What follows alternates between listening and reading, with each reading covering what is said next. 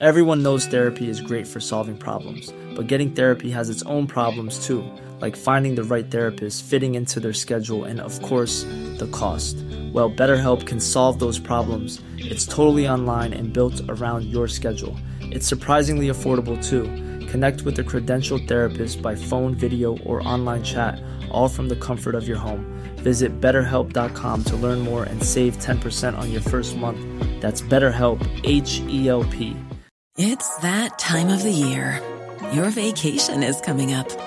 You can already hear the beach waves, feel the warm breeze, relax, and think about work. You really, really want it all to work out while you're away. Monday.com gives you and the team that peace of mind. When all work is on one platform and everyone's in sync, things just flow wherever you are. Tap the banner to go to Monday.com.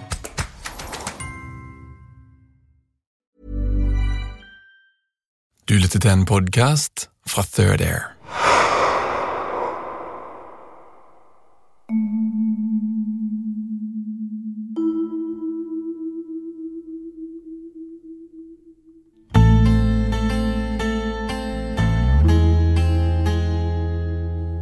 Er det noe av det du har eh, funnet på veien som du egentlig gjerne skulle puttet inn i serien, men som du eh, endte med å ikke ha med?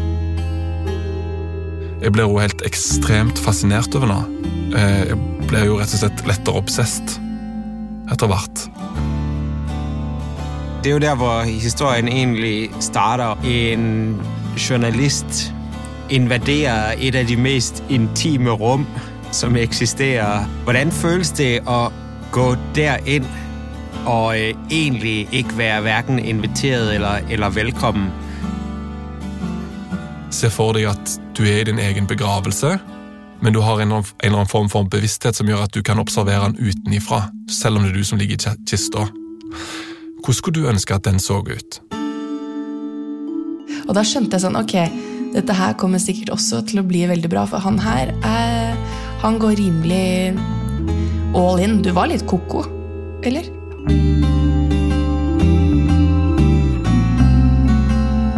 Vil jeg ønske velkommen til Third Air-redaksjonen sin backstage med produsentene bak dokumentarene. Denne episoden er en bakenforprat om den siste serien vi har sluppet. Kvinnen med den tunge koffert kommer hjem som underveis endte opp med å bli Norges lengste sammenhengende dokumentarpodkastserie.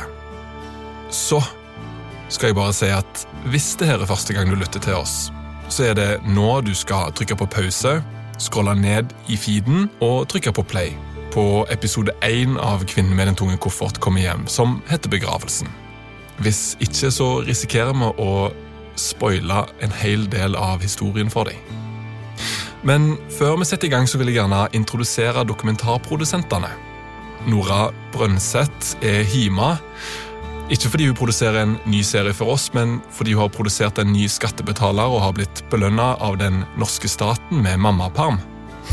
Og av samme grunn så har jeg gleden av å introdusere vår nyeste produsent, Emilie Teige Skrattegård, som har slutta i TV-bransjen for å begynne hos oss.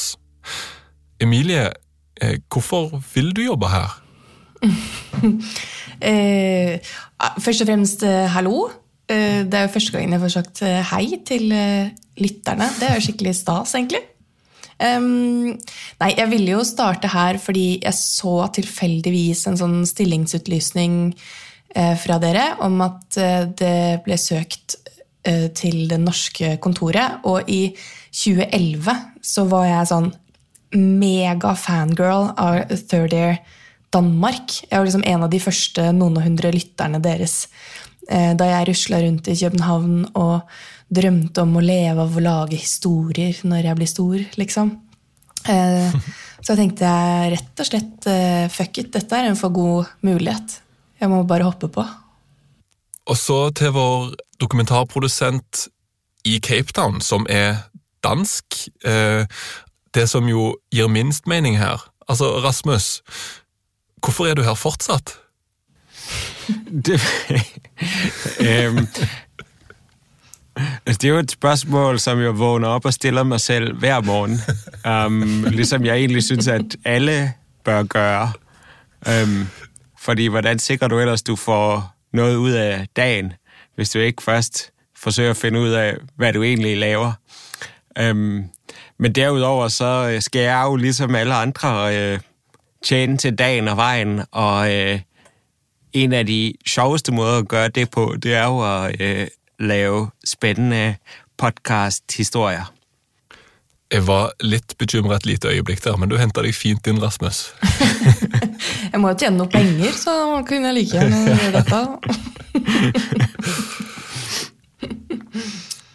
Det vi, det vi skal prate om i denne episoden, er serien vår 'Kvinnen med den tunge koffert' kommer hjem. Um, Emilie, du har jo lytta til serien før du begynte i jobben.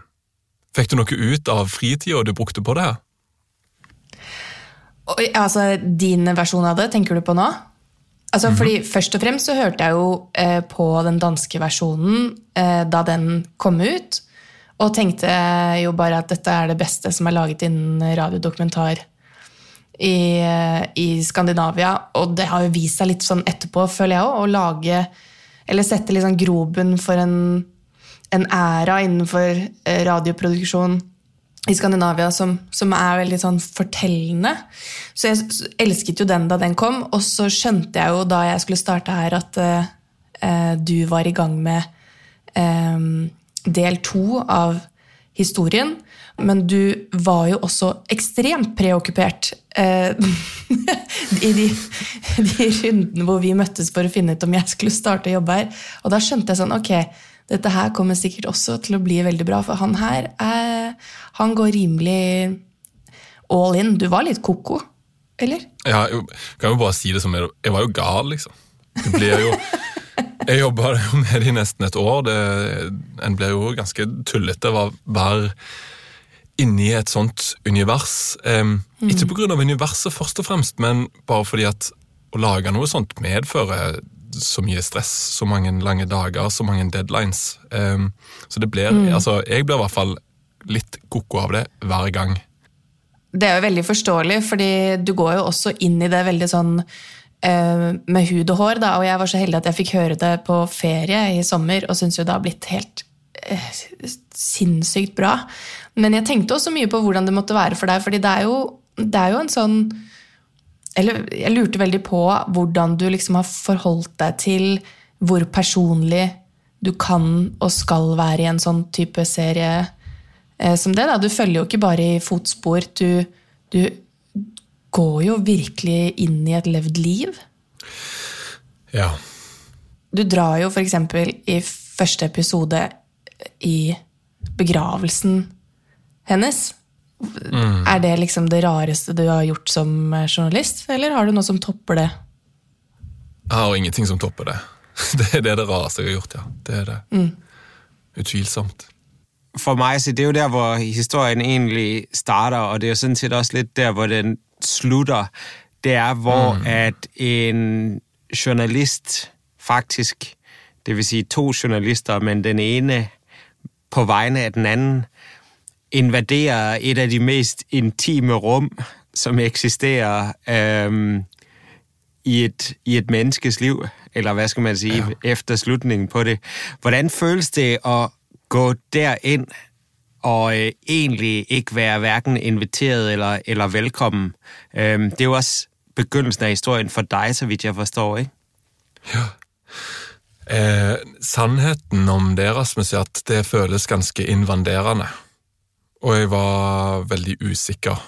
Um, og jeg skjønte ikke helt hva jeg begav meg ut på. Jeg var der på mange måter for å leve opp til en forventning til Christer.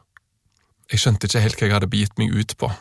Uh, og så er det som skjedde der, ble en viktig del av motivasjonen min for å gjennom hele historien balansere empatien overfor henne, da. Istedenfor å bare gjøre henne til en sjokkerende tabloid eh, svindler som er eh, obsesst med prester, kirker og døden. Ja, for det er jo spørsmålet egentlig, eh, Lars, det er jo sådan set, at vi vet jo, kvinnen her med, har liksom luret folk og misbrukt folk og taget, ja, simpelthen snydt og øh, luret folk i øh, 30-40 år. Um, men det er jo også efterhånden et par år, at folk fra Third Year, øh, Christer og dig, og nu også øh, nogle af vores svenske kolleger, følger i fodsporene på hende. Ja. Hvad er øh, sådan jeres overvejelser, dine overvejelser om, hvad I selv har gang i, i forhold til, hvornår træder man over grænsen mellem være good guys og bad guys? Ja, det, det er et godt spørsmål, Rasmus. Um, hvis vi begynner konkret da, i første episode med begravelsen, så har vi jo tatt med den samtalen mellom meg og Christer, hvor vi prater om hvor langt kan vi gå? Når skal jeg slutte å ta opp? Det er jo sånt vi, vi stiller spørsmålet. Grensa for min del gikk med når selve begravelsen begynner. Den, den er hennes det kan ikke jeg invandere med en opptaker. Mm. Mm. Og så visste jeg jo når vi hadde den samtalen, at dette skal jeg redigere etterpå, sånn at jeg kan, jeg kan jo trekke det bort. Ikke sant? Jeg behøver jo ikke ha det med. Mm. Um, men jeg vurderte det dit hen at det er greit å ha med det fordi hun har lurt så mange. Det finnes definitivt en ja, offentlig interesse i å høre historien om henne, eh, både fordi at hun har Vi har jo ikke, vi har jo ikke tallene på det, men sannsynligvis lurt over 1000 mennesker. Mm. Hun har vært i media, navngitt, det vil si hvilket navn hun egentlig har, er jo en mm. annen diskusjon, men uh, hun har jo vært en offentlig person, og hun har jo sjøl i tillegg søkt medieoppmerksomhet, offentlig oppmerksomhet, en rekke ganger. Riktignok som en svindler eller i karakterene hun går inn i, eh, for å tjene noe på det sjøl, eller for å få oppmerksomhet, eller for å få empati. Men summen av det gjorde at jeg vurderte det til at det er greit å ha med opptak av at jeg går inn i begravelsen. Mm. Men det er heller ikke sånn at du, du, lot den bare kjøre, og så har du bare klippet bort at du var i selve eller, altså sånn, Ref at du sier sånn 'jeg kan jo bare klippe bort ting etterpå'. Hva var det som liksom var viktig ved at den ikke var i opptak i det hele tatt da, under selve begravelsen, tenker du? Ja, eh, mikrofonen er jo instrumentet vårt som lyddokumentarister. Altså, jeg bruker å, tenke, altså jeg bruker å sitere min far. da. Han, han, har sagt til meg en rekke ganger at du behøver ikke presseetikk hvis du har folkeskikk. Eh, det, det, det, er litt for enkelt i, i noen tilfeller, men altså her, det er bare basic folkeskikk. Det er ikke greit å gjøre skjult opptak av eh, enhver situasjon. Og en begravelse er en personlig, privat og et intimt rom. Eh, og det, var, det er bare Det strider imot magefølelsen min å ha opptakeren på under, under, en begravelse, med mindre det skulle være noe i begravelsen som, som skulle avsløres. Da, si, at det var en altså, si at begravelsen ble brukt til liksom, hemmelige russiske agenter for å, for å overlevere informasjon, så hadde jeg mm. kunnet holdt den på. Men det, det, var jo ikke det som spilte seg ut her. Det var jo bare en, en det var jo sanger, en min, det, minnetallet, det var en stund for henne, da. Eh, sånn at det Der brukte de ikke presseetikk, der brukte de bare folkeskikk. Um, mm. Men jeg, jeg, jeg, kan jo si en ting til, da, fordi eh, Og dette skjer, fader meg, nå skjer det igjen. Det skjer hver gang jeg skal prate om det her. Jeg, nå har jeg ehm, Nå står årene mine opp på armen. Fordi det å være eh, alene i en, ehm, i en begravelse, eh, det det for å si det rett ut, det er jævla spesielt. Mm. Eh, jeg har aldri vært det før, mm. eh, og jeg er usikker på om jeg har lyst til å være det igjen. Men det, det, får deg jo til å gjøre en rekke refleksjoner, da. Det var helt oppriktig der jeg bestemte meg for å finne Jeg måtte ha svar på liksom, hvem var hun bak, bak karakterene hun gikk inn i. Hvordan endte mm. det? Hvordan endte det sånn jeg, jeg, jeg, fikk være med på det punktet, da. Eh, og det var der jeg bestemte meg for å få svar på de spørsmålene, og samtidig jeg skal balansere universet sånn at vi aldri mister helt empatien for henne. Um, mm. Men det gjør jo noe med deg sjøl òg, da. Det som skjedde med meg, var at jeg begynte å se for meg min egen begravelse.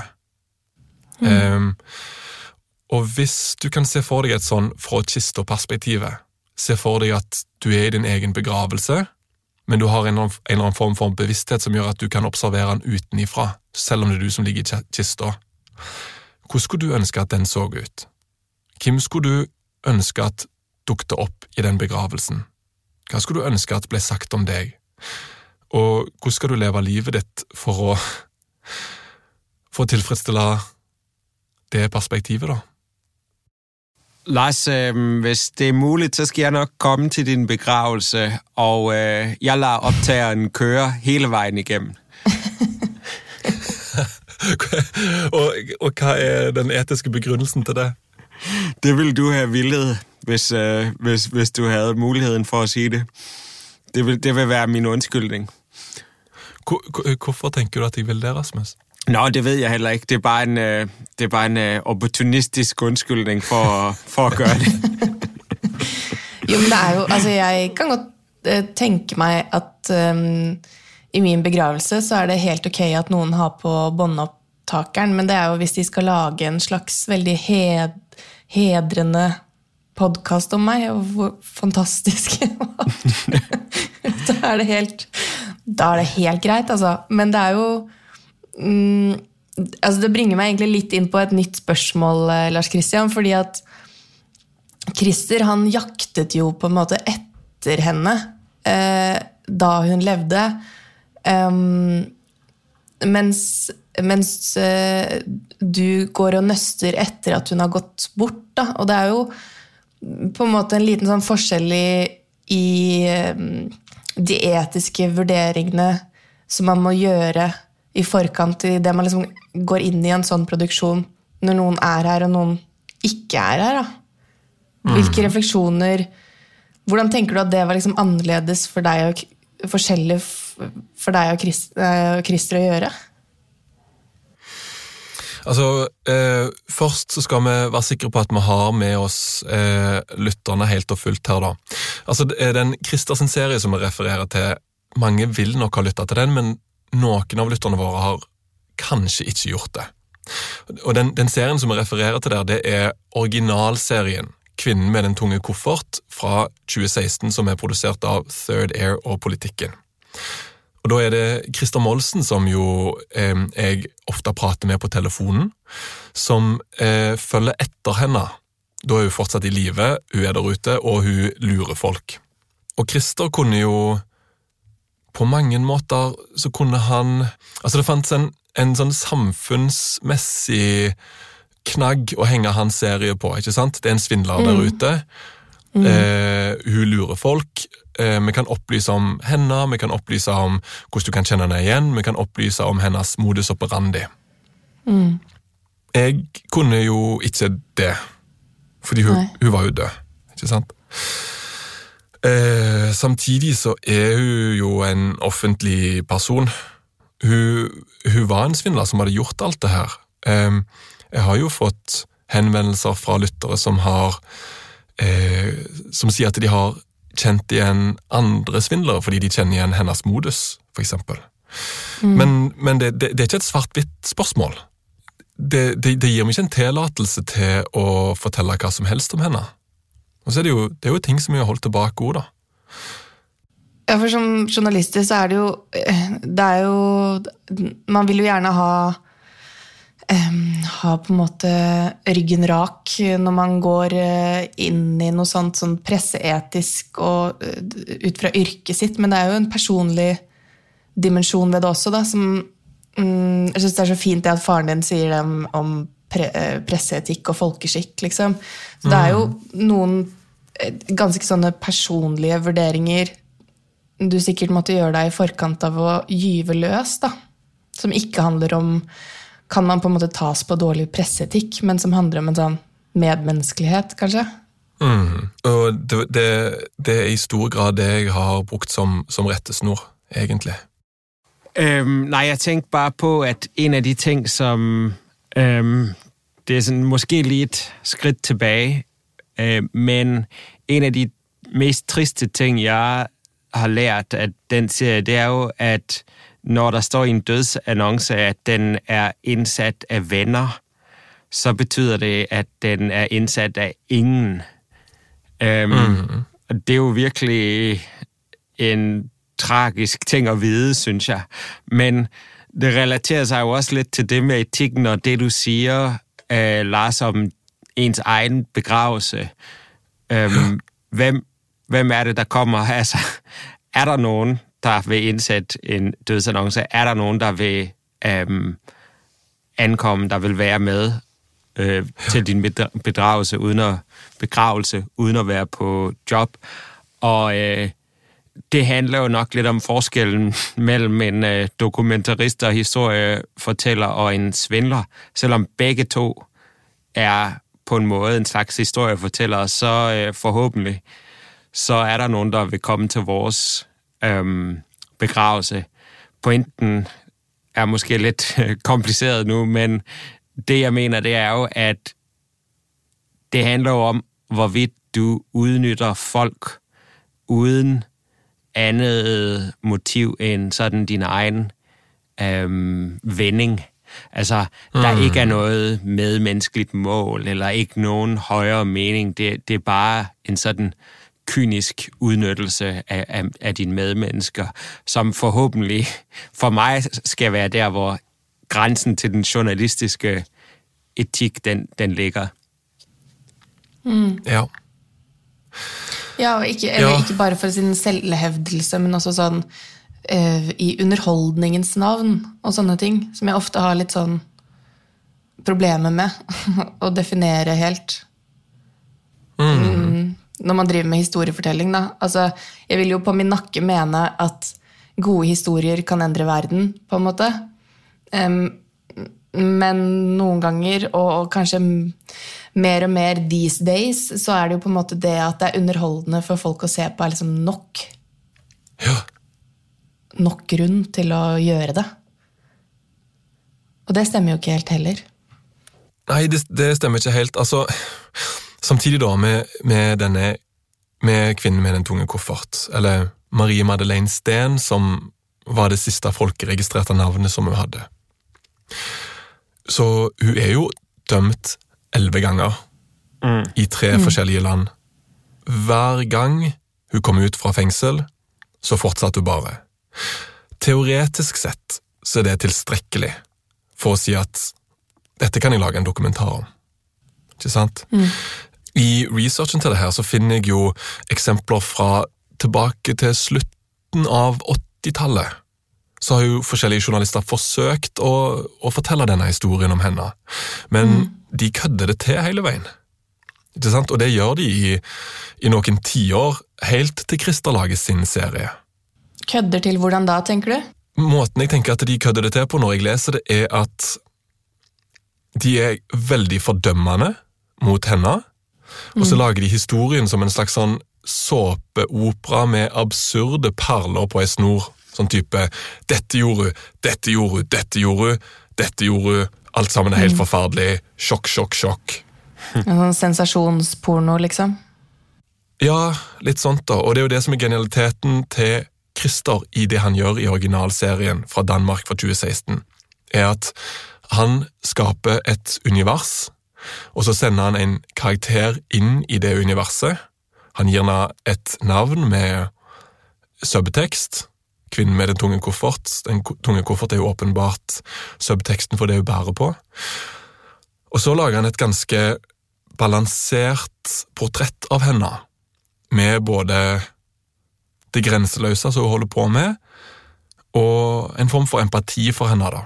Og det, det var viktig for meg å videreføre i det som, i det som eh, vi har lagd i Norge, da en anden, et andet journalistisk ambition er vel, at egentlig det med, at man kan bli advaret, eller man kan liksom forsøge å advare folk mot folk som hende, eller å bli utnyttet på den måte eller hvordan man skal si det. Men jeg tenker på, når hun har haft denne her karriere i så lang tid og har vært i fængsel. Var det 11 gange, du sagde? Ja. Øhm, tænker du så, at man overhovedet tager nogen chance for at gøre noget mod svindlere som, som hende? Altså fortsætter de ikke bare? Er der, er der noget, man kan overhovedet gøre som samfund?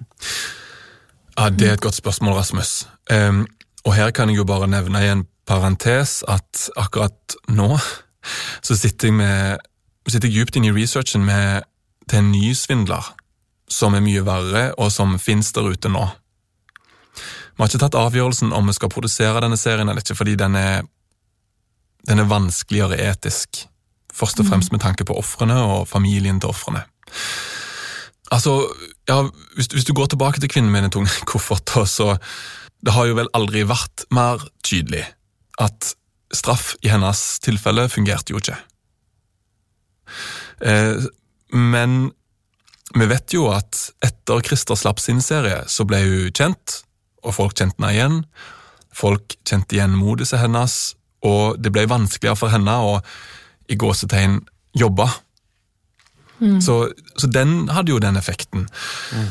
Det som jeg tror ofte går igjen i de her sånn totalt notoriske svindlerne, er jo at de er, de er grenseløse.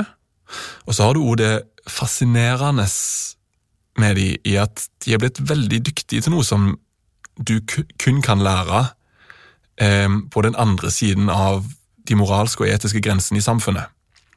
Å bli god til det som hun ble en av de beste til, det kan du ikke lære på skolen.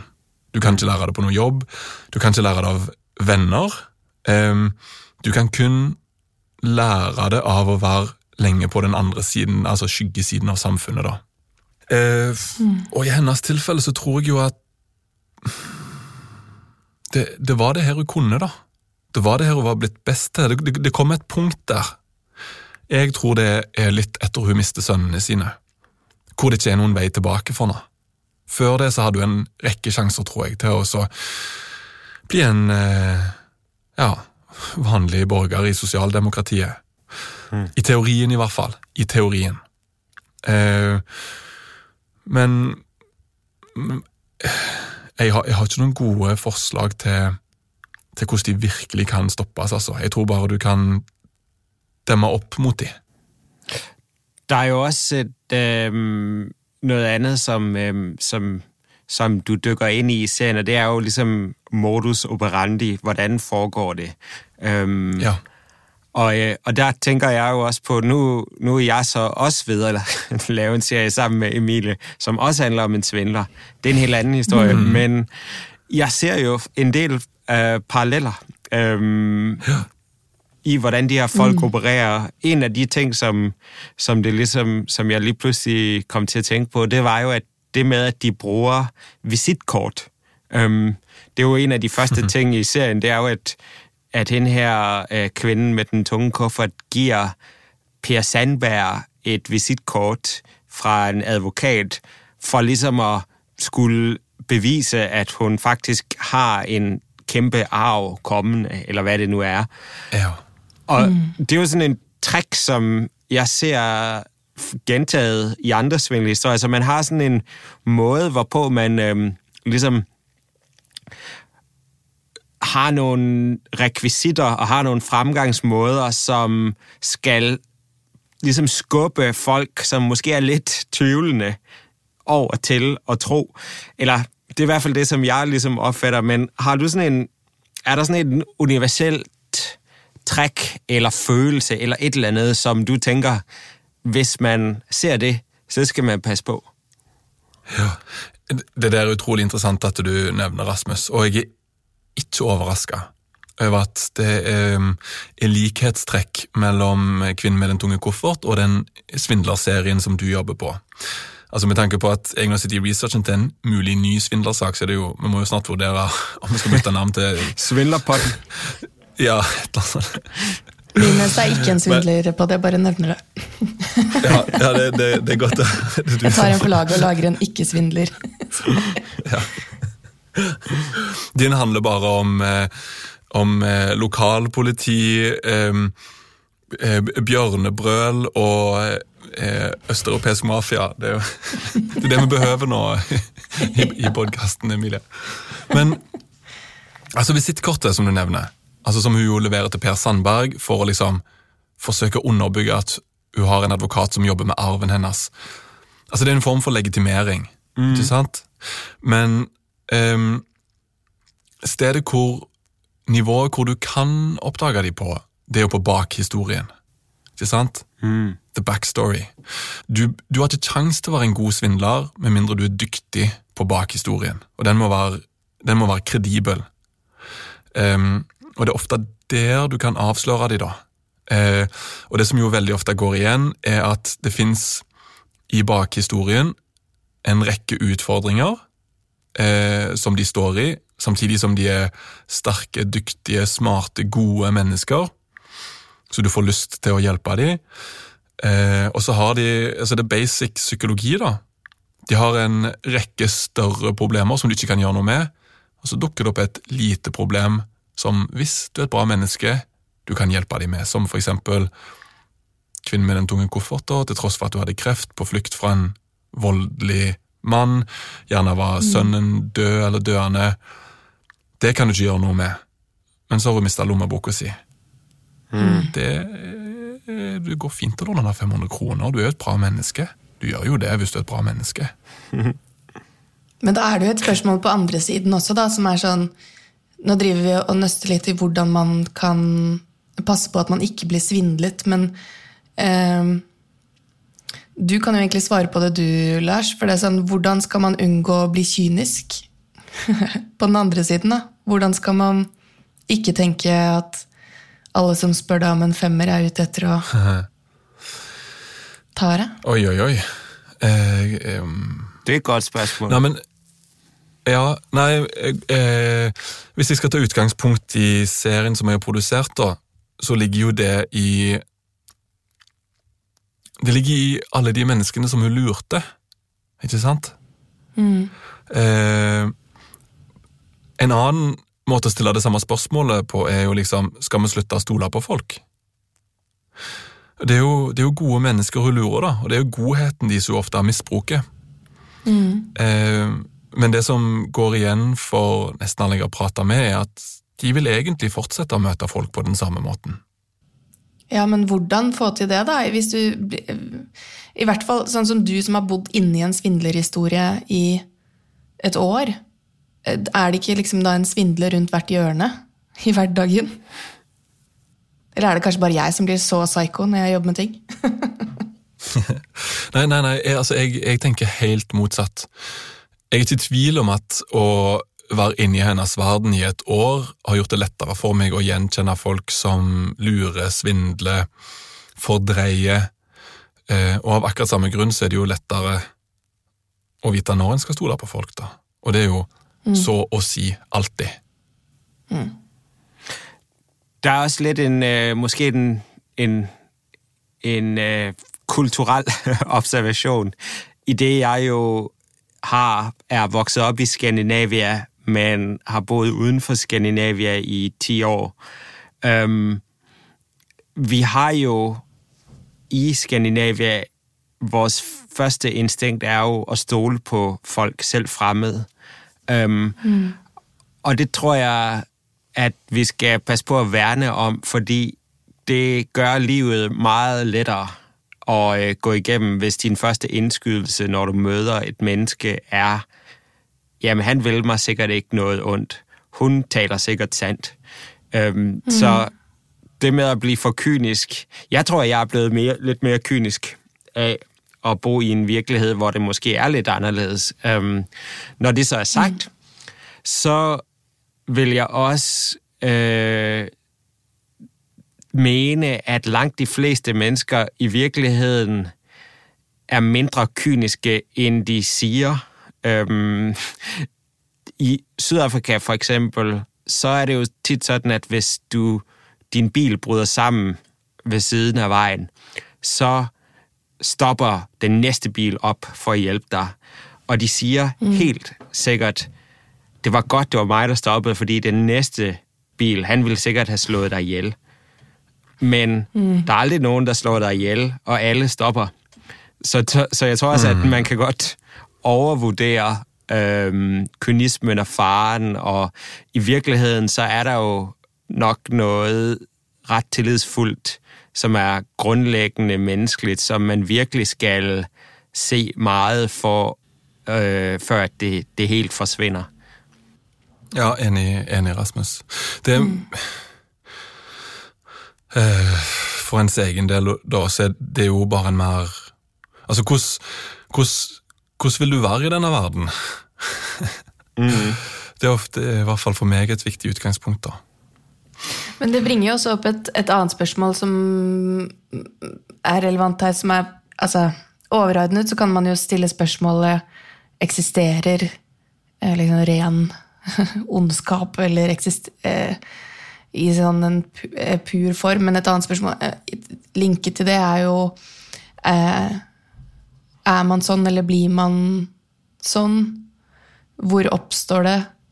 Hva, hva tenker du rundt kvinnen med den tunge koffert, liksom? Er hun et åpenbart produkt av hva hun har opplevd, eller eh, kom hun ut litt sånn til verden, eller hva tenker du?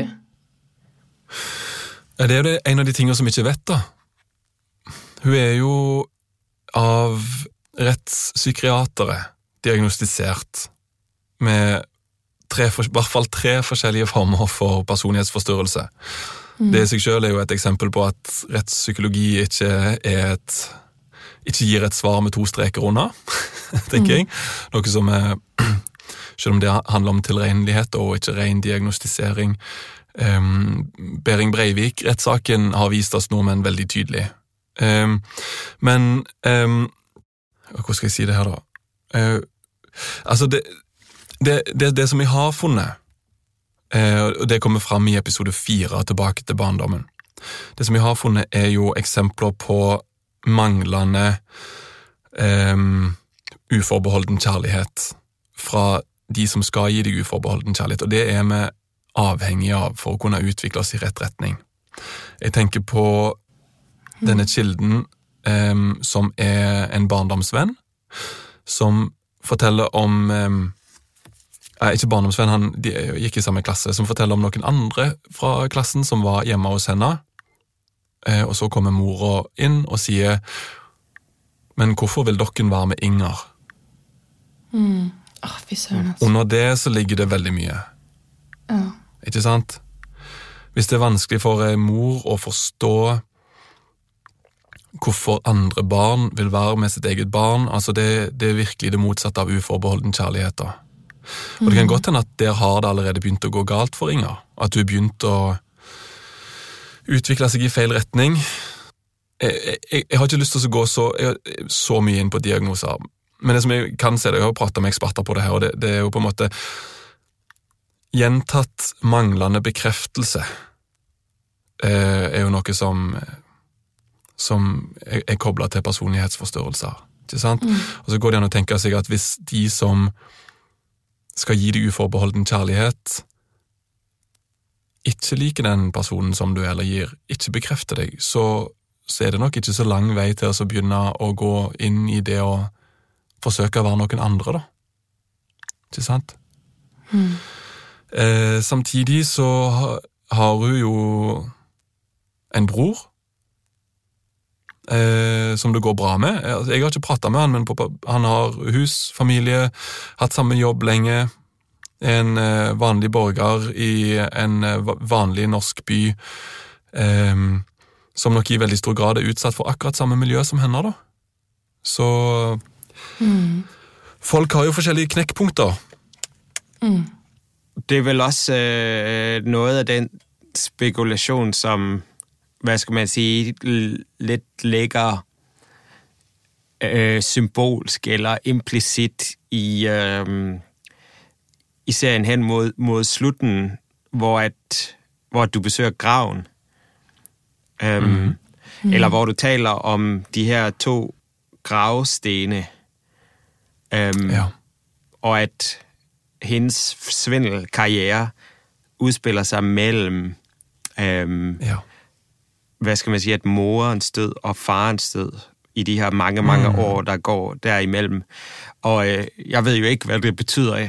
Øh, jeg kan jo spekulere på det, men det betyder jo i hvert fald et eller andet med, at når vi taler om dem, der skulle have givet en kærlighed, som ikke gjorde det, eller den anden vej rundt, at der er et eller andet sådan... Øhm, der er et eller andet sådan dybt psykologisk, der handler om, hvordan vi ligesom giver ja, livsmuligheder og valg og så videre til vores børn, men vi kan også tage det fra vores børn. Og, øh, mm. og i det ligger nok en, bedre nøgle til at stoppe svindlere, end, øh, end at spærre dem inden, ikke? Og alle kriminelle. Det ville være bedre, hvis man øh, sørgede for at, øh, at holde af sine børn til at starte med. Ja. Definitivt. Definitivt. Samtidig så øh, Jeg eh, tror jo ikke at eh, verden er 100 sosialt konstruert, da. Og så finnes det jo eh, det jo ting som kobler sammen det sånn, mer biologisk determinerte med det konstruerte, men, men eh, folk tåler jo forskjellige ting, da. Det er jo nok, altså Vi har jo masse eksempler på løvetannbarn som, som Jeg kjenner til en rekke personer som sannsynligvis har opplevd langt verre ting enn henne, Um, som ikke utvikler kompliserte diagnoser. Um, jeg tror at folk bare knekker på helt forskjellige punkter, da. Mm. Og det modsatte, øh, som, som du sier. det er jo også interessant, når man er innenfor krimfeltet, at øh, der er jo både posttraumatisk stress, men der er jo også et begreb, der hedder posttraumatisk vækst, og, øhm, og det kan gå begge veje. Man kan lære noget og vokse av et traume, men det modsatte kan også være tilfældet, og der ser det jo for meg helt tilfældigt ud. Man kan ikke sådan se, når man Lars er nok en stærk person, han vil sikkert gro af det, Rasmus er nok en svag person, han vil sikkert få stress. Mm-hmm. Det virker helt tilfeldigt, sådan efter hvad jeg kan se. Vi har jo snakket Eller du kom jo inn på det litt i sted, at hun har jo en bror, og hun har, altså hun har en familie rundt seg. Hun har jo også mm. en sønn. To. Mm. Eh, og vi har snakket litt om det på kontoret, men du, eh, du, kontakter jo heller ikke denne sønnen, selv om han er en figur i serien. Ja. Eh, hvorfor gjør du ikke det? Ja, ikke sant. Um, Altså, Rent presseetisk så har du f.eks. noe som heter eh, krav på samtidig imøtegåelse, f.eks. Mm. Eh, eller at den som på en måte blir dratt inn i en historie, skal få lov til å komme med sin versjon. Mm. Eh, samtidig så Jeg var i den begravelsen. Eh, jeg fikk avskjedstalen som presten holdt tilsendt til meg mm. etter begravelsen. Hvis du leser den, så er det tydelig at han enten ikke har prata med familien, mm. eller han har prata med familien og fått beskjed om at de ikke ønsker å spille noe som helst inn til den avskjedstalen som han skal holde. Mm. Eh, og det forteller meg hvor grensene til familien går. Hvis de ikke ønsker å for det første dukke opp i begravelsen, og heller ikke bidra til minnetalen, mm så er det klart at de har ikke lyst til å stille opp eh, framfor en fremmed journalist og svare på spørsmål og fortelle sin historie til alle mulige som, som mm. eventuelt skal lytte mm. til podkasten. Eh, og det, det, det, jeg tenker at det er ikke rocket science å skjønne hvor deres grenser går, da. Uh, og så etter hvert så fant jeg jo begge sønnene, da. Men det ser ut som det har gått veldig bra med dem. Um, mm. Og jeg tenker at det har gått bra med dem fordi de ikke har hatt kontakt med henne. Ja.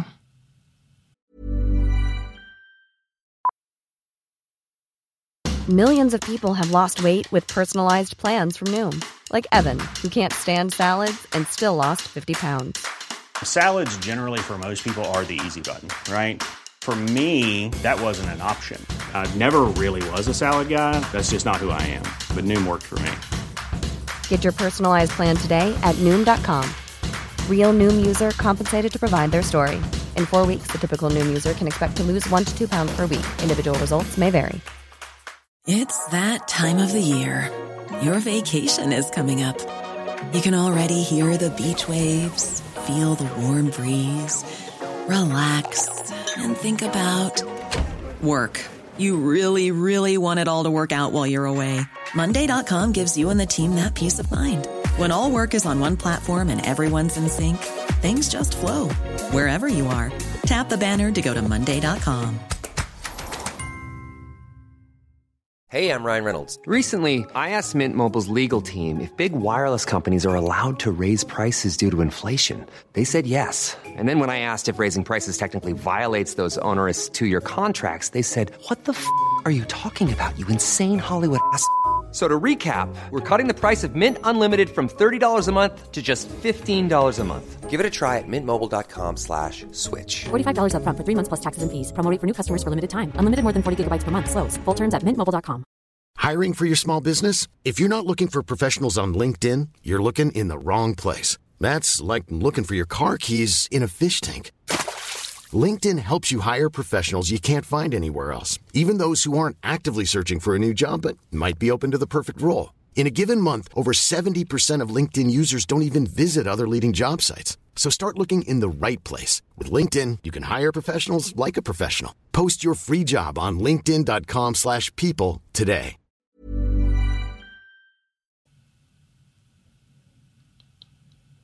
Og hvem er jeg til å dra de inn i det her, da? Jeg har rett til å lage den Eller jeg tenker at det går fint Altså, jeg, jeg holder meg innenfor reglene når jeg lager denne serien, men hvem er jeg til å insistere på på å dra de inn i det, da? Der, der holder jeg også med din far, eh, Lars. Altså, hvis man leser sådan presseetikk som en advokat, øhm, mens man samtidig går ud i verden og agerer som et, som et menneske, og så bruger den, så kan man jo gemme sig bag presseetikken til at være uansvarlig, øhm, samtidig med, at man også kan bryde reglerne, og så gøre det af den rette grund. Øhm, så der er, jeg, der er jeg på linje med dig. Jeg, jeg kunne sagtens forestille mig, at man absolut ikke har lyst til at blive en del af det her, eller overhovedet mindet om det, hvis, hvis man har haft hende som mor. Og så vet vi veldig godt fra en rekke saker i journalistikken at samtidig imøtegåelse brukes ikke nødvendigvis for å gi noen muligheten til å svare, men for å legge til rette for å indirekte få de til å svare. Som påskudd for å grave, på en måte. Ja, ja, ja, klart det. Og det kan man jo også godt gøre nogle gange med øh, en god grund for det, ikke? Hvis man for eksempel skal afsløre en svindler, eller, øh, eller, eller gå efter en korrupt politiker, eller hvad det nu kan være. Ikke? Yes, men da finnes det en allmenn pre preventiv grunn, altså hvis en går etter en svindler, og eh, politikere er, eh, er profesjonelle kilder. Ja. Det, det er en annen sak. Dette er en fyr som det har, ser ut til å ha gått bra med fordi han ikke har hatt kontakt med henne. Jeg tror heller ikke du har gjort feil, bare så det er sagt. Jeg tror bare det er verdt å stille spørsmålet. Ja. Eh, altså, journalister har ringt denne familien en rekke ganger. De gangene de har fått svar, så jeg har lest de artiklene. Eh, og det fins en sånn indirekte pekefinger i det her. Liksom, ok, det er bare, det, altså, det er bare spørsmål de stiller. Men det fins òg en indirekte pekefinger til familien. Hvorfor ble det sånn? Svaret finnes et sted hos dere. Ja, det er jo ganske grusomt, da. Um, ja, ikke sant? Hvis du tenker litt Altså um, Og eh, jeg, jeg Altså, faren er jo død. Um, jeg husker et svar som han gav til Aftenposten, ehm, hvor han sier at eh, Altså, der han ble stilt dette spørsmålet da for n-te gang. Og så sier han sånn, jeg vet ikke, jeg vet ikke hvor det har gått galt. Jeg vil tro at å oppleve at din mor blir eh, syk og gradvis dårlig etter hvert og dør i ung alder, må være tungt for ei ung jente. Eh, og så forteller han en sånn historie om at hun, hun eh, i tenåra begynte å naske og stjele i butikker og sånt rundt omkring. Og da drar faren og, og, og besteforeldrene rundt og gjør opp for henne. Men så sier han at på et tidspunkt så måtte vi slutte, fordi hvis ikke så hadde vi måttet solgt alt det som vi eide, for å gjøre opp for henne. Ja, ikke sant. Så jeg tenker det, det finnes ei grense der for Ja, det er spørsmål, eh, men det ligger veldig fort en underliggende pekefinger i subteksten da, til det spørsmålet. Ja. Eh, sånn, sånn, sånt har jeg vurdert det her. Og snarere ikke peke noen ting mot de, med mindre jeg har konkrete kilder som peker på de. Og det har vi ikke, bortsett fra i det tilfellet hvor eh, mora stiller seg uforstående til, uforstående til at venninnene vil Mm. være med henne. Som er en ekstremt vond, smertefull kommentar som slo meg i magen første gang jeg hørte den. ja. Um, Lars, jeg har et helt annet spørsmål. Mm. Jeg, um, jeg ved jo ikke, hvor mye man som lytter vet om, hvordan man laver de podkast som vi laver. Mm. Men typisk så er det jo sånn at en del af det er at interviewe folk, finde folk, tale med dem, skrive manus, tale ind, og så kommer lyddesignet og musikken til sidst. Øhm, Ja.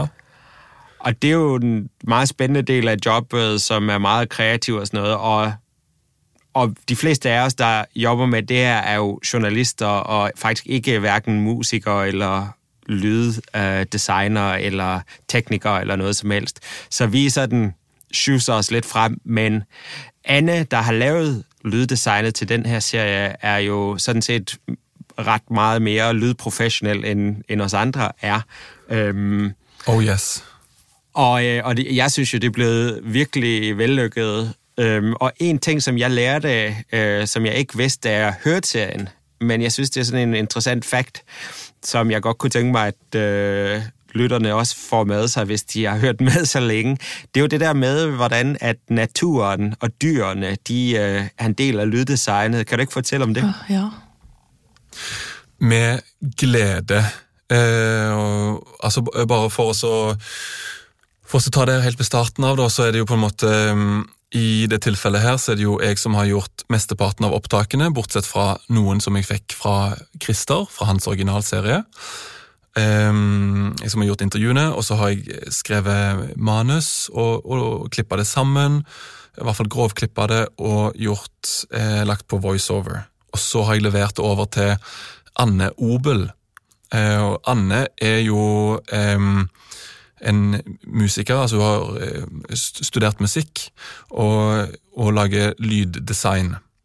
Altså alt ifra å lage, komponere musikk til podkasten, til å legge på tre lag med romklang, i noen tilfeller. Eh, til å på en måte få fram følelsen av vinden.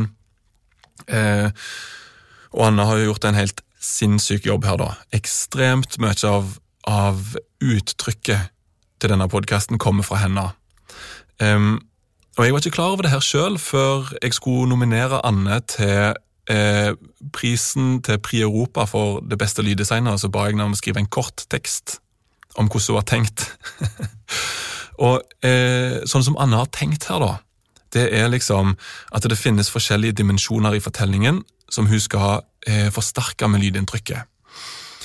Og eh, hun tenker at eh, svindleren er på en måte eh, ond, eller hun, hun, hun, lurer, hun skal lure folk, og det, det finnes det en sånn her en, en sånn ubehagelig følelse ved, eller en ondskap ved.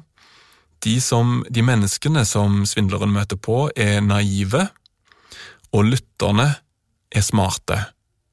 Og naturen vet. Naturen vet alltid hva som er i ferd med å skje, og Anne bruker naturen for eksempel hunden som gjør i bakgrunnen når hun nærmer seg Ørslev kloster, eller ugla ute i skogen når hun kommer til kikkutstua i episode to, for å på en måte eh, advare underbevisstheten til lytterne om, om hva som kommer til å skje. da. Så det er en sånn interessant eh, filosofisk et filosofisk bakteppe som han har hatt når hun har lydlagt. da, At eh, kvinnen med den tunge koffert er en schemer, er ond, og alltid når hun er i bevegelse, så kommer den her musikken, den samme musikken opp. da. Eh, de som lurer, er naive, lytterne er smarte, og naturen vet. Det er kult, ass. Eh, og det, det, er jo, det er jo sjelden Ja, det er kult, og det er jo på en måte Det er jo sjeldent at lyddesignere har en så helhetlig, presis mm. tanke om, om, eh, om designet som de gjør, da. Men så privilegerte er vi i Third Air, at vi får jobbe med så dyktige lydfolk. Um, skal jeg bare ta, ja, jeg går bare på toalettet, så er vi tilbake, og så fortsetter vi litt til. Ja, da lar vi bare den spille. Eh, vi, ja, vi lar den bare spille, ja. Mm. Ok, tilbake om tre minutter.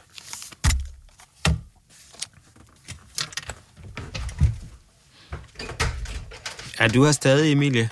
Jeg er her.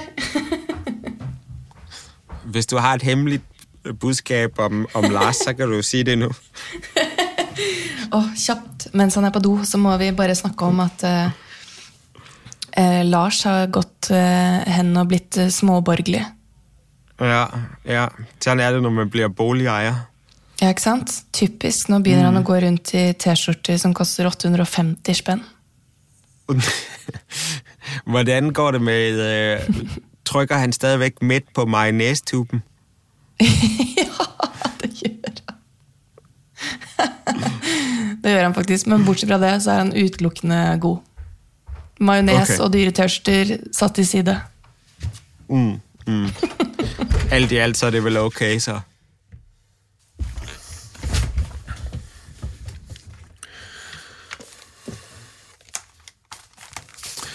Yes. Hei, Hei, hei. Hei, hei. Um, da var vi her. da var vi her, ja. Um, jeg har et spørsmål som er et sånn um, -hmm. Kanskje litt sånn fortellerteknisk. Eller sånn, du, du har vært inne på det at du Noe av det liksom viktigste arbeidet med denne serien er å jobbe i hvor empatien ligger for kvinnen med den tunge koffert. Eh, eh, fordi bare ved å fortelle hennes historie, uh, uansett om det er en veldig tydelig jeg-karakter i deg eller ikke, så er man jo på en måte med på å forme hva lytteren føler føler om dette mennesket. Da. Um, så spørsmålet er liksom nummer én om du har noen refleksjoner rundt nærværet av ditt eget jeg i serien, og, og hvor stor del det spiller i, i empatien vi har for henne. Altså det å, å bruke et jeg eller ikke bruke et jeg Ja, det, det, har jeg, det har jeg gjort meg en rekke tanker om. Um, Enhver som forteller historier, må jo stille seg spørsmålet hvor legger jeg jeget? Eller du behøver ikke stille deg det, men det vil jo være der uansett. Enten det er sånn altvitende forteller jeg, eller det er kanskje historien handler om deg. Ja. I det tilfellet her så handler den jo ikke om meg, da. Ja, det, det ble viktig for meg når jeg var i den begravelsen, da. Eh, for det første å, å på en måte Hun har jo gjort ting som er helt forferdelig. Altså, hun har jo eh, Hun har brukt falske voldtektsanmeldelser for å forsøke å tjene penger.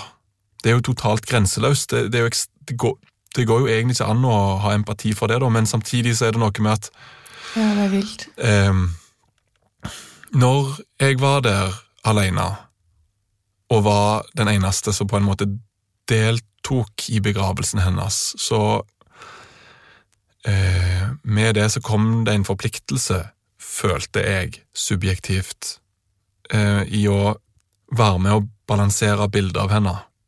At hun ikke skal bli en ufyselig person som vi fordømmer.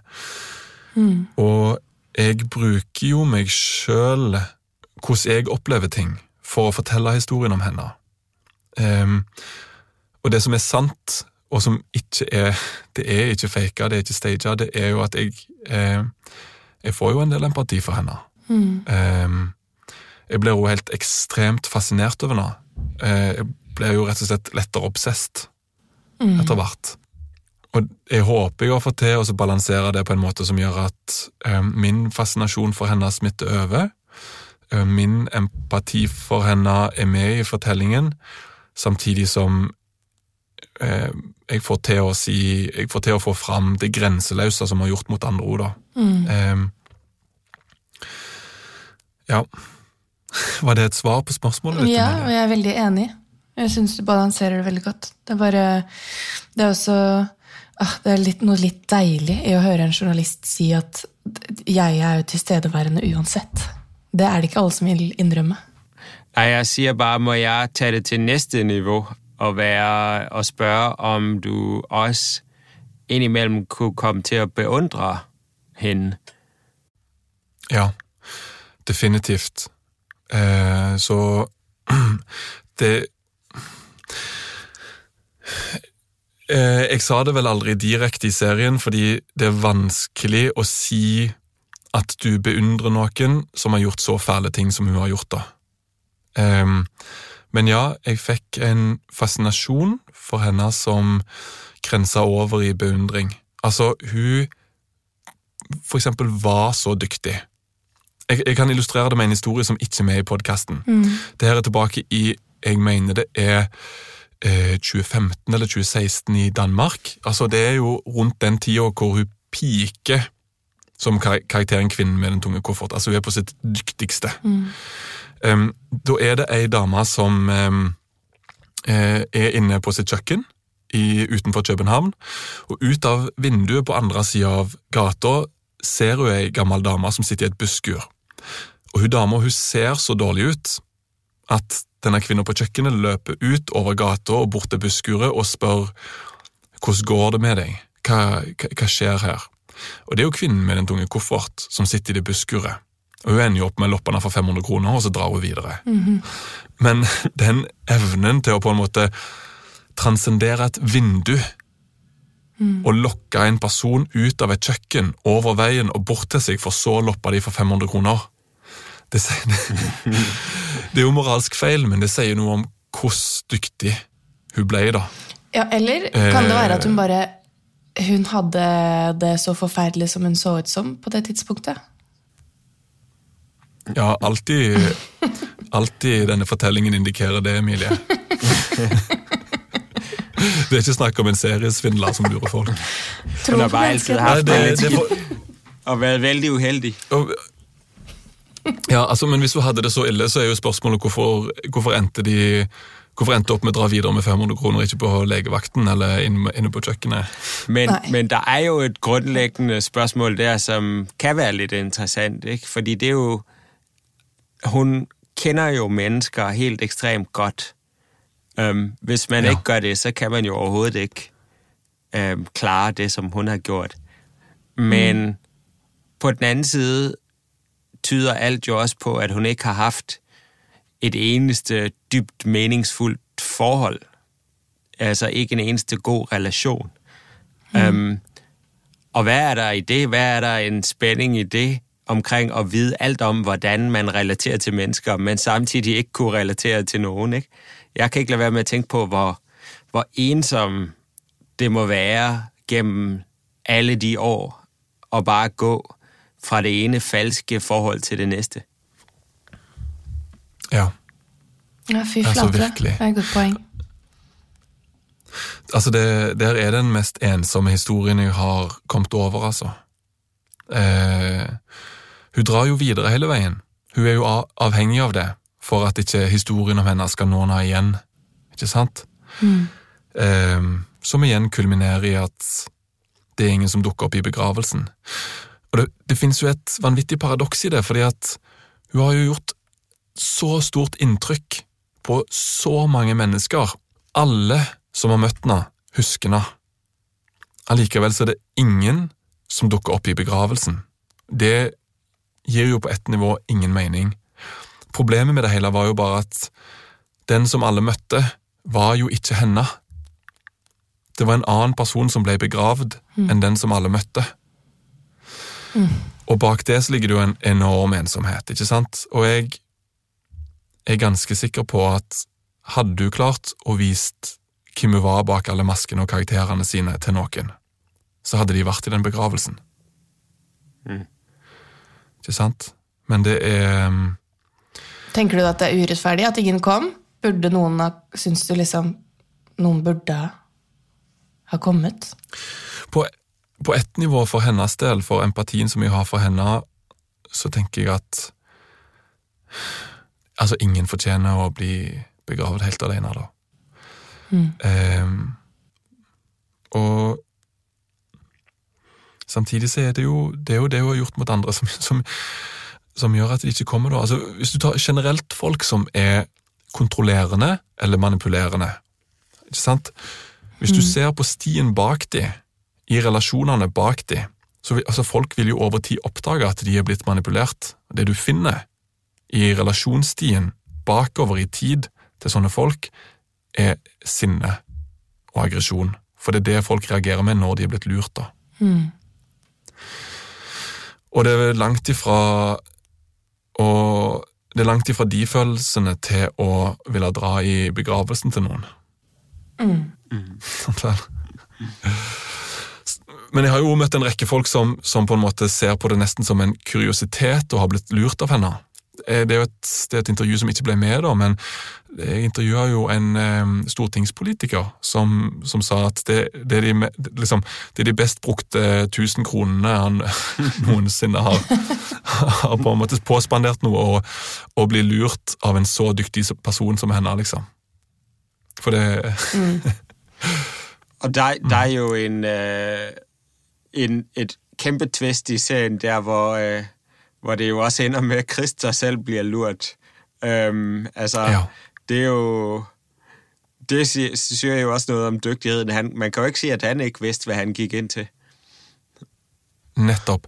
Og det der er det flere som har reagert på. Det er flere som, som på en måte som eh, Jeg kan forstå det, altså, men det, det er en rekke personer som stiller seg totalt uforstående til det. Til naiviteten i at Christer blir lurt når han visste det som han visste.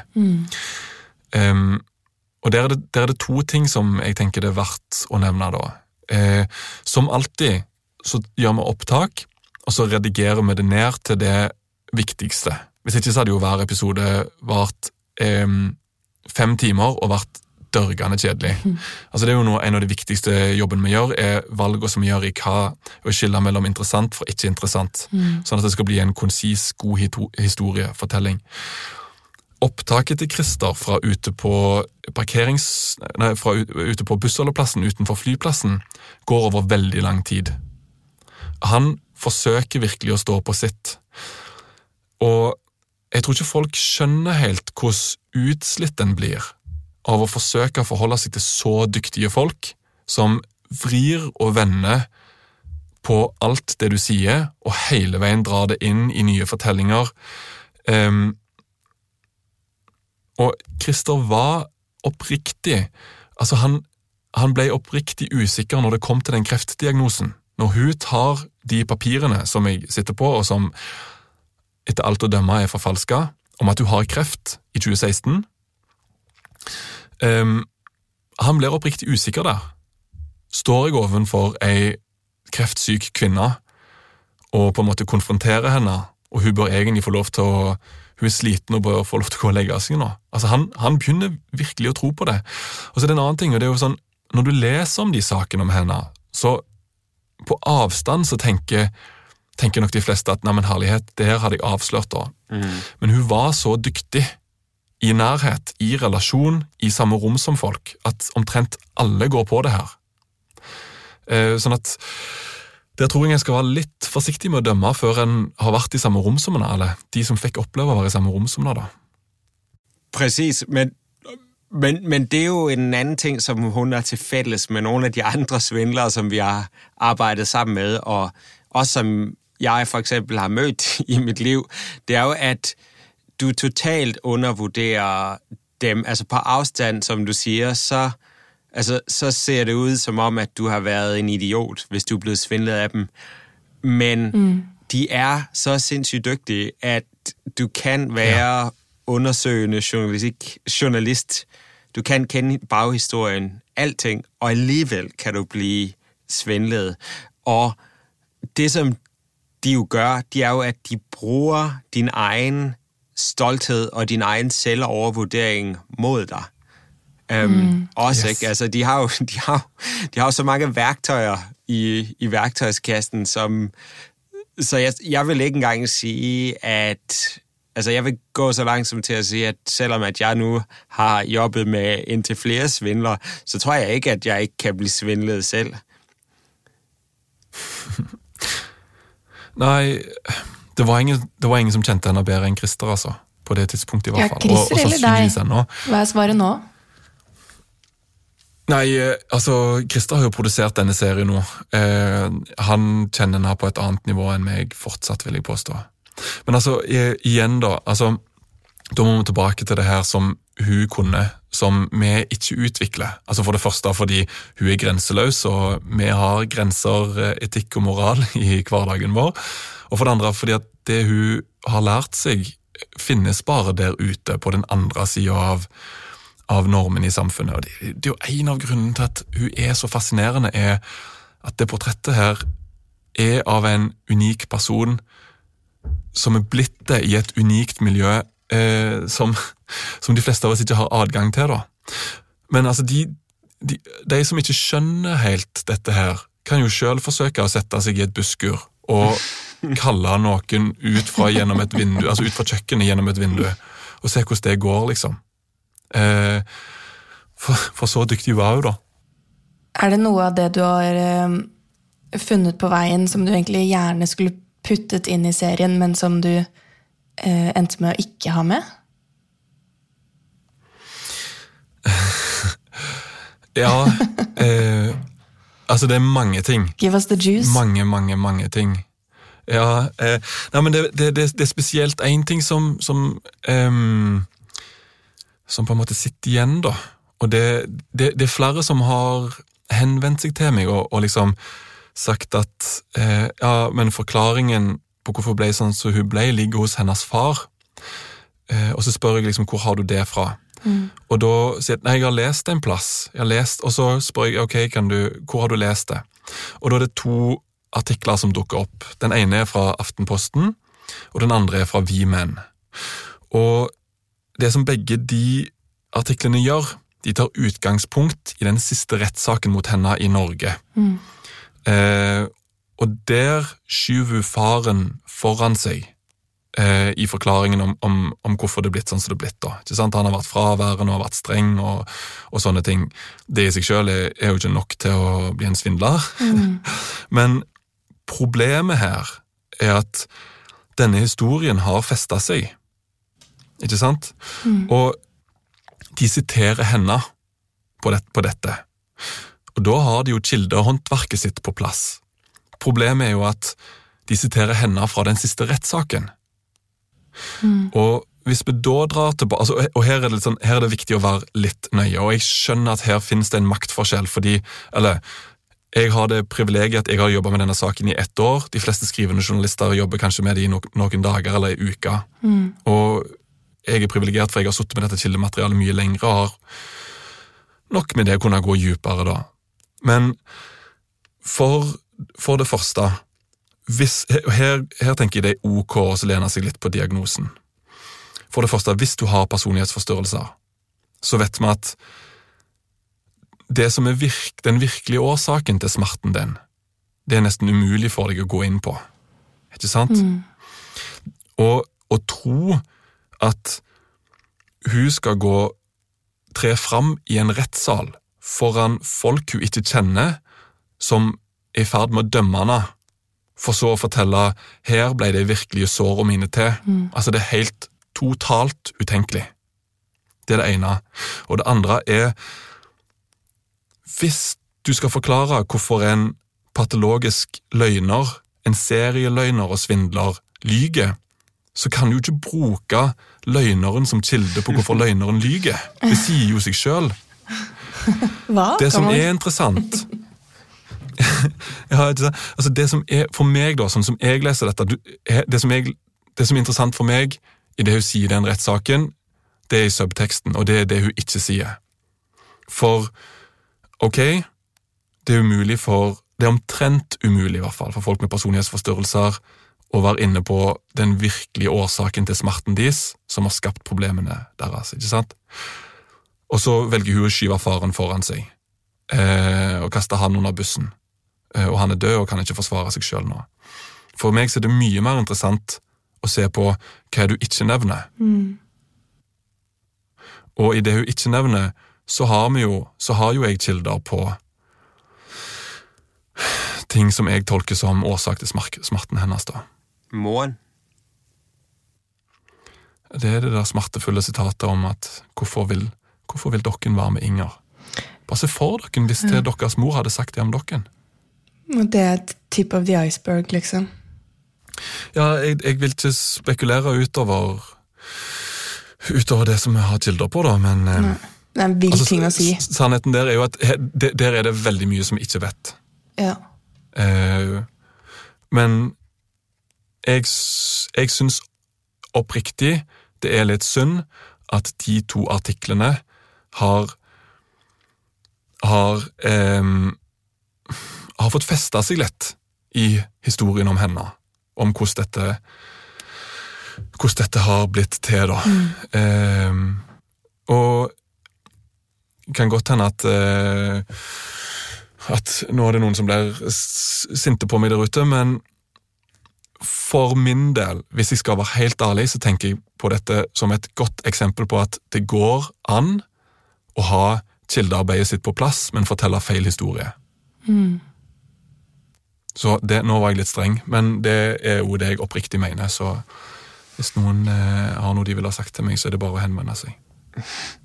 Oh, det det mener jeg jo er helt øh, åpenlyst at det er, at det er tilfellet. Um, ja, tror men det.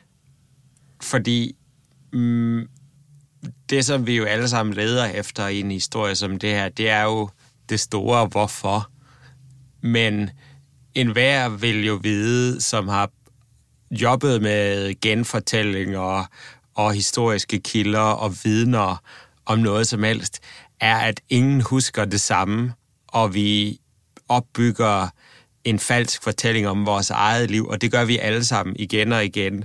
Og det bedste, man kan komme til, er noenlunde... sammenhængende historie, som ikke er løgn, tænker jeg, men sandheden. Mm. Hvis man regner med, at man kommer til sandheden, så er man selv øh, grænsende til personlighedsforstyrret. Ej, det er nok at gå for langt, men, men i hvert fald... Øh, det er lov, eh, til å gå, det, ja, det, det er lov gå litt for langt når, når vi ikke retter det mot noen konkrete personer. Altså, ja, tenker jeg. så... Øh, Eh, Det, det, det er et viktig poeng du kommer med. Mm. Vi skal være litt enig. ydmyke ja, i Ja, pluss at eh, jeg syns det er veldig behagelig. Også en, en ting ved den serien her er at uh, det, uh, det er et sånn uh, diagnosejag vi lever i om dagen i kulturen vår. At Ja. liksom Man skal jo liksom faktisk huske på at mm, Diagnoser er jo på en måte et, det er jo et behandlingsverktøy. ikke sant? Man får jo det fordi at da kan man tilrettelegge hvilken behandling man skal få. Det er jo ikke, det er jo ikke eh, et seil, på en måte. Det er jo ikke noe som man, man printer i pannen på folk bare, bare for å liksom kunne kategorisere dem, og dermed også liksom å generalisere ut fra dem. Tror jeg vi skal passe oss liksom bare veldig, veldig, veldig for når man leter etter det her hvorforet. Um, og, og spesielt et sted hvor det er så mange fort forskjellige fortellinger, eller, uh, eller personen ikke er der selv til å kunne si noen, noe om, om disse tingene. Så det er litt sånn Ja, bra at uh, du ikke lener deg for mye på at det, svaret på hvorfor ligger der, da. Og det er der er jeg så glad for at du sier, Emilie, fordi um, når jeg har prata med folk, så er det, det er så Altså, når jeg har fortalt om denne serien mens jeg har lagd den, så er det, det er så mange som de skal gå rett til diagnosen. Ja. Men det er en sykdom i Norge, det der, at, eh, at folk er så besatt. Ja. Eh, Jeg føler meg liksom mer og mer overbevist om at vi lever i en form for sånn psykologiens tiår, da. Ikke sant? Uh, og em, det er ekstremt mye bra med psykologi og terapi, eh, men kanskje først og fremst i terapirommet. Eh, eh, det, det, det, det begrenser hvor mange svar det gir oss, og, og hva svar gir det oss egentlig, ikke sant? Det ville vært veldig urettferdig. Det, det er ganske mange som har personlighetsforstyrrelser. Men det ville vært veldig urettferdig overfor de å sier liksom at det er årsaken til at noen blir en seriesvindler. De fleste av de har jo ikke blitt det. Nei, og det er jo det samme som at eh, folk som opplever psykose, kommer ikke til å nødvendigvis til å drepe noen. Ikke sant? Altså, man trekker også det alltid frem, eh, at eh, drapssaker som skjer i, i psykoser og sånne ting, så, så går vi liksom rundt og stempler mennesker som, som sliter med dette, som per def farlige med en gang, og et punktum, liksom, uten å nyansere det. Um, noe mer som både er liksom Jeg syns det er litt ødeleggende for, for hvordan For sånn medmenneskelighet, men selvfølgelig spesifikt for de personene det gjelder. Da. Og personlighetsforstyrrelser kommer jo også i ekstremt mange fasetter. Eh, Sånn at det er jo ikke én ting å ha en personlighetsforstyrrelse, og noen kan ha det og så få en ny diagnose fem år senere. Det er bare ikke det er liksom, ja, Jeg tror det er litt usunt. Det er masse bra ved at man kan forstå mer om et menneske ved at man forstår eh, hvilke utfordringer de står i og har stått i, hvis det kommer fra riktig sted, da, på en måte. Og så er det jo også en Så er det jo også øh, et dårligt udgangspunkt for en historiefortæller. Fordi hvis det var sådan, at alt kunne reduceres til en psykologisk forklaring, så kan vi jo lige så godt læse øh, journaler fra lægen og psykologen og psykiateren, Ja. end, end at fortælle historier. øhm, altså det, jeg synes også, det gør verden til et statisk og øh, deterministisk og litt koldt sted, uden særlig mye meget øh, magi og karakterudvikling. Enig. Ja, og så, og så har vi jo, det er jeg helt enig med deg, eh, Rasmus, og så er det jo igjen, men, men hva forteller det egentlig? Ikke sant? Da handler, er, hvis svaret er et sånn, litt sånn sekkebegrep, hva forteller det oss egentlig?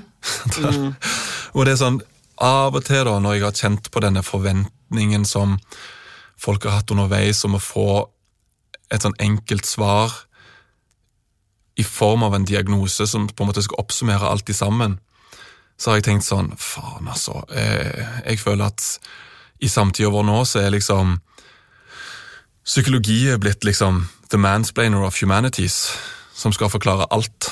Ja, nemlig. Mm, men jeg syns du er inne på noe skikkelig viktig, viktig og riktig der, Rasmus, som handler om, om eh, Hvis vi, vi som skal fortelle historier, skal belage oss for mye eh, på det, så eh, Det var et godt sitat, liksom. Da blir verden et kaldere sted. Det er jeg skikkelig enig i. Ja, ja, det tror jeg òg. Det, det, det tror jeg òg. Jeg tror tvert imot. Og liksom De som har hørt på seriene våre, de legger jo kanskje merke til at vi har ganske få ekspertkilder, og vi bruker omtrent aldri psykologer, liksom. Eh, og det er jo fordi at vi har en tiltro til at historien skal fortelle oss noe annet.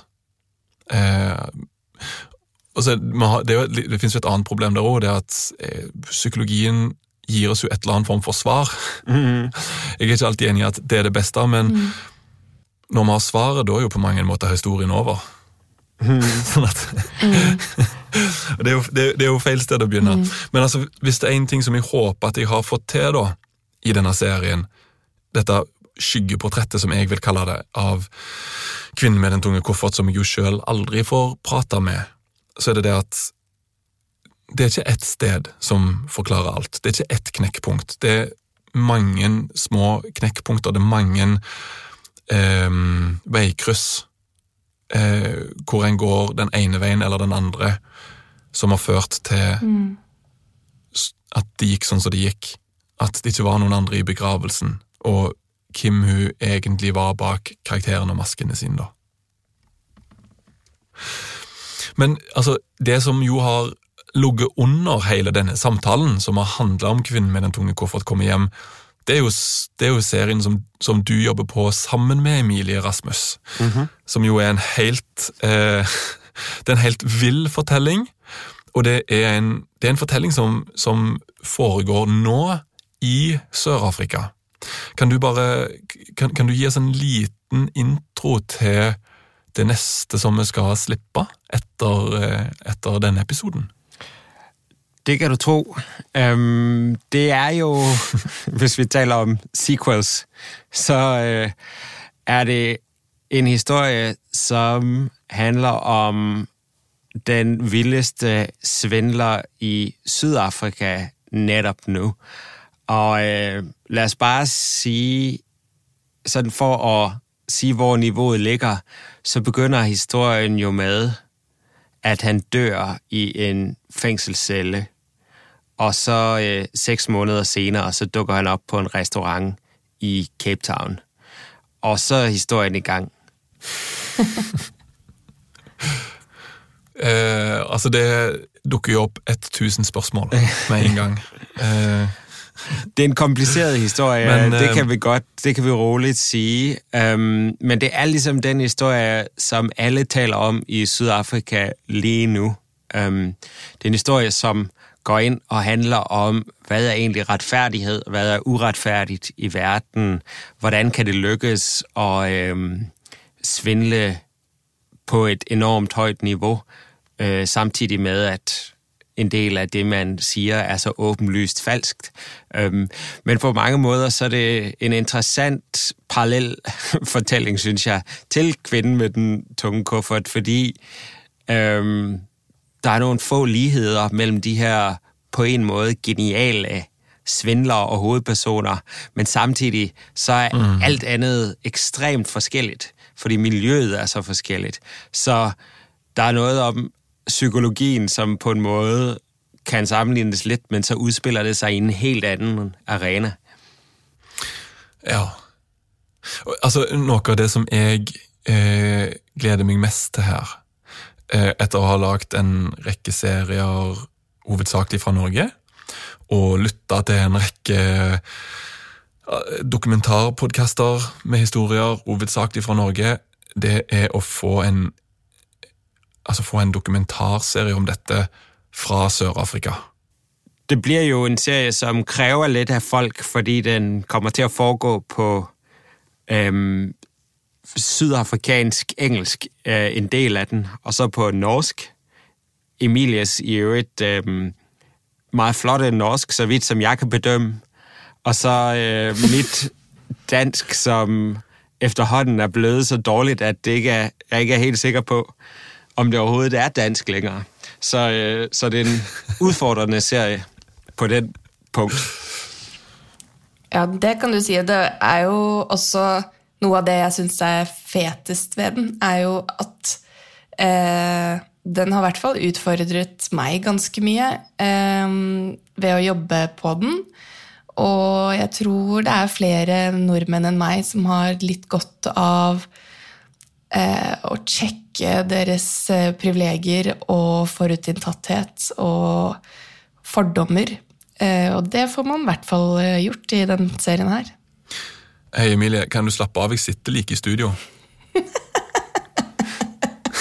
For eksempel høye menn som bor på Grünerløkka og har det greit. Kunne jo kanskje Ja, Det er egentlig eh, en historie fra Sør-Afrika om den kulturen, men også fortalt da gjennom noe litt sånn eh, mine kanskje noe naive skandinaviske øyne, og Rasmus sin veldig nære kunnskap da, til hvordan eh, kulturen fungerer annerledes.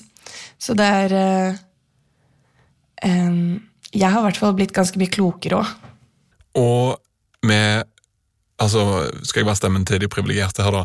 Og med en helt sinnssykt motor. Og med motor så mener vi liksom så mener jeg eh, dramaturgi og vendepunkter. Altså, det, det, som skjer i denne serien, er Altså, det er jo helt bananas eh, hvordan utvikler seg. Mm -hmm. Oh yes. altså, bare Altså, det er ikke så mange som får til å dø og gjenoppstå. Eh, og de som har gjort det, har det blitt skrevet veldig tykke bøker om. Mm. Da gjenstår det egentlig bare å ønske alle sammen ei god uke. Og traileren til Rasmus og Emilie sin historie fra Sør-Afrika kommer allerede neste uke.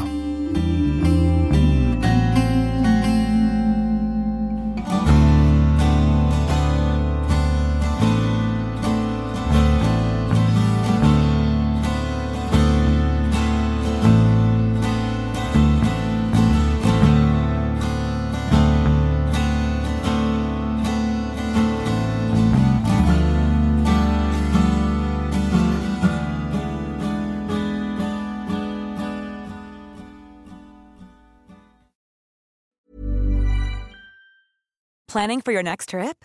Elevate your travel style with Quince. Quince has all the jet setting essentials you'll want for your next getaway, like European linen, premium luggage options, buttery soft Italian leather bags, and so much more. And is all priced at 50 to 80% less than similar brands.